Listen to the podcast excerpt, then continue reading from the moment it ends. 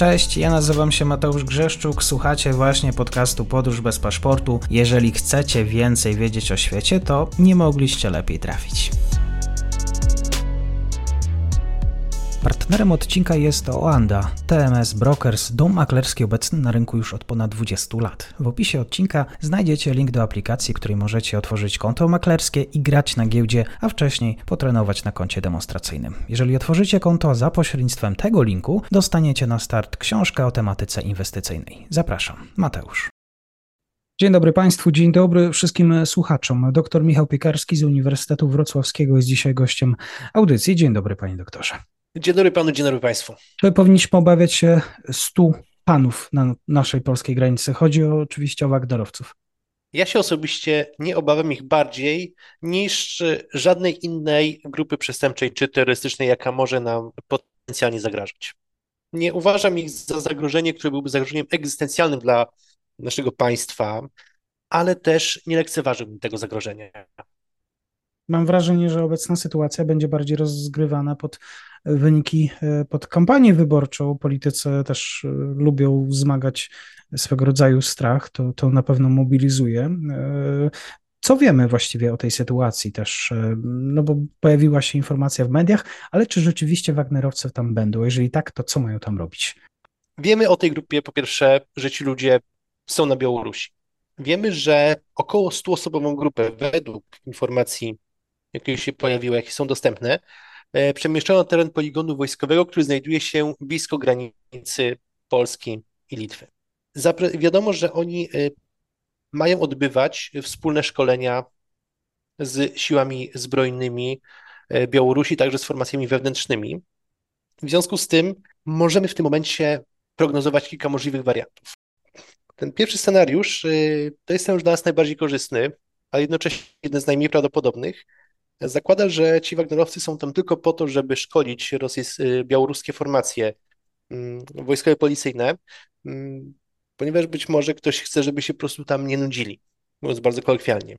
No drugi scenariusz to jest y, scenariusz, który zakłada, że oni zostaną użyci do działań hybrydowych przeciwko Polsce, przeciwko mm, Litwie i być może będą użyci do wspomagania tego, co białoruskie służby już robią na granicy, czyli przepychania ludzi przez granicę, przepychania uchodźców i prowokacji wobec polskich y, czy litewskich służb na granicy, e, jak również może mieć miejsce eskalacja mm, działań hybrydowych. Tutaj niestety istnieje prawdopodobieństwo, i tutaj zgadzam się na przykład z komentarzem e, Anny Marii Dyner z pismu, że istnieje możliwość, że Rosja i Białoruś zdecydują się, żeby użyć Wagnerowców y, do tego, żeby przeprowadzić jakąś formę e, działań przeciwko Polsce, która będzie już eskalacją większą niż to, co obecnie widzimy na granicy. Osobiście nie zdziwiłbym się, gdyby rozważano wariant wykorzystania właśnie Wagnerowców do jakiejś formy prowokacji, być może nawet kinetycznej, przeciwko polskim czy litewskim żołnierzom i funkcjonariuszom. Istnieje niestety także ryzyko, że ci ludzie mogą zostać przerzuceni na e, terytorium Polski czy Litwy, po to, żeby albo prowadzić działania rozpoznawcze, albo żeby dokonać jakiejś formy mm, sabotażu wymierzonego w naszą infrastrukturę krytyczną lub innej prowokacji. Tutaj trzeba mieć na uwadze kilka rzeczy. Po pierwsze, to są członkowie organizacji najemczej, to dosyć ponurej. To jest po prostu grupa przestępcza w tej chwili, tak trzeba ją, ją nazwać. E, można, ją ich można tę grupę nazwać także grupą terrorystyczną. I ci ludzie e, są po pierwsze niestety znaczna część jest doświadczona bojowo. Niestety są oni przeszkoleni. No i po trzecie, trzeba mieć na uwadze to, że tego typu element y, z punktu widzenia tych, który, którzy są ich właścicielami, bo tak trzeba ich nazwać, to jest element ryzykowny. To jest trochę tak, jak y, y, by ktoś miał mm, bardzo agresywnego psa, nad którym ciężko sprawować kontrolę. I nie wiadomo, czy on na przykład nie pogryzi właściciela. Więc y, z ich punktu, z punktu widzenia Rosjan może być tak, że y, użycie właśnie Wagnerowców do działań hybrydowych, do przeprowadzenia prowokacji będzie wygodne, bo po pierwsze, jeżeli coś się stanie i oni zginą, y, to nie będzie ich specjalnie żal. Po drugie, w razie ujawnienia ich roli będzie można próbować grać kartą, to nie są żołnierze, to nie są funkcjonariusze, to są ludzie, którzy są albo wręcz powie się, że byli członkami tejże organizacji i oni robili coś na własną rękę e, i tyle. W jaki sposób w takim razie polskie państwo może przygotować się do tego typu scenariuszy? Tak samo jak do każdego innego rodzaju zagrożenia terrorystycznego, e, także tego, którego mm, sprawcą e, jest aktor państwowy, czyli zagrożeń hybrydowych, w taki sposób, w jaki my no jednak w pewnym zakresie się szykujemy już od jakiegoś czasu, bo od jakiegoś czasu obserwujemy wysiłki mające na celu wzmocnienie naszej mm, i obronności, i odporności na tego rodzaju zagrożenia, bo tworzy się komponent ochrony pogranicza w Wojskach Obrony Terytorialnej, mm, weszły w życie zmiany dotyczące ochrony mm, infrastruktury krytycznej w środowisku morskim, one były bardzo ważne.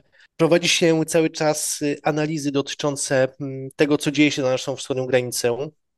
I te wnioski e, powiem tak, te wnioski w społeczności e, analitycznej no, są wyciągane i jest szansa, że przynajmniej część z nich zostanie z czasem po prostu przeniesiona do systemu prawnego i że ten system bezpieczeństwa państwa będzie reformowany, bo znowu z naszego punktu widzenia trzeba mieć świadomość jednej rzeczy. Tutaj mierzymy się z organizacją, która wprawdzie jest sterowana przez Rosję, znajduje się jej aktywa, także personel znajduje się na terytorium Białorusi, ale też nie ma co ich demonizować. To są potencjalnie bardzo niebezpieczni, owszem, ale najemnicy, kryminaliści, byli żołnierze, e, przestępcy i po prostu przeciwko nim należy wykorzystać ten aparat, który służy do zwalczania tego rodzaju zagrożeń, czyli po pierwsze Straż Graniczną na samej granicy, po drugie e, policję, po trzecie siły zbrojne. I tutaj naszą zasadniczą taką bronią przeciwko nim jest w tej chwili oprócz tych przepisów i tych sił, które są używane do obrony granicy państwowej, jest w tej chwili ustawa antyterrorystyczna, ponieważ e, jeżeli doszłoby do jakiejś próby prowokacji, jakiegoś ataku na przykład na nasze obiekty, to można powiedzieć, ci ludzie są terrorystami.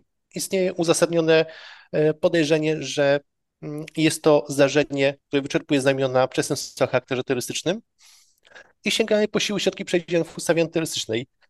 Mówiąc bardzo kolokwialnie, ustawa antyterrorystyczna mówi, że, tak, że wobec takich osób można stosować dużo bardziej restrykcyjne y, środki niż przewidziane w normalnym prawie i tak należy potraktować. Nie bez powodu, co jest bardzo charakterystyczne, w ostatnich dniach dowództwo generalne upubliczniło zdjęcia polskich strzelców wyborowych. One były pozowane, ale to były zdjęcia na granicy i to był bardzo wyraźny komunikat. Skierowany ewidentnie do przeciwnika, zastanówcie się dwa razy, bo jeżeli ktoś z Was przekroczy granicę, to będzie się musiał mierzyć z naszą odpowiedzią, a nasza odpowiedź może być y, bardzo kinetyczna. Mówiąc wprost, jeżeli, y, jeżeli Wagnerowcy przekroczą naszą granicę, to wyślemy przeciwko nim y, policję, straż graniczną, wojsko i jeżeli sięgniemy po ustawę antyrystyczną. E, wiem, że to brzmi z jednej strony kiczo, może to brzmieć jak kwestia staniego filmu, ale po prostu będziemy mogli strzelać, żeby zabić, bo po to jest przepis o specjalnym użyciu broni. Bardzo dziękuję e, za ten komentarz. Doktor Michał Piekarski, kłaniam się. Do usłyszenia. Nie ma sprawy, dziękuję.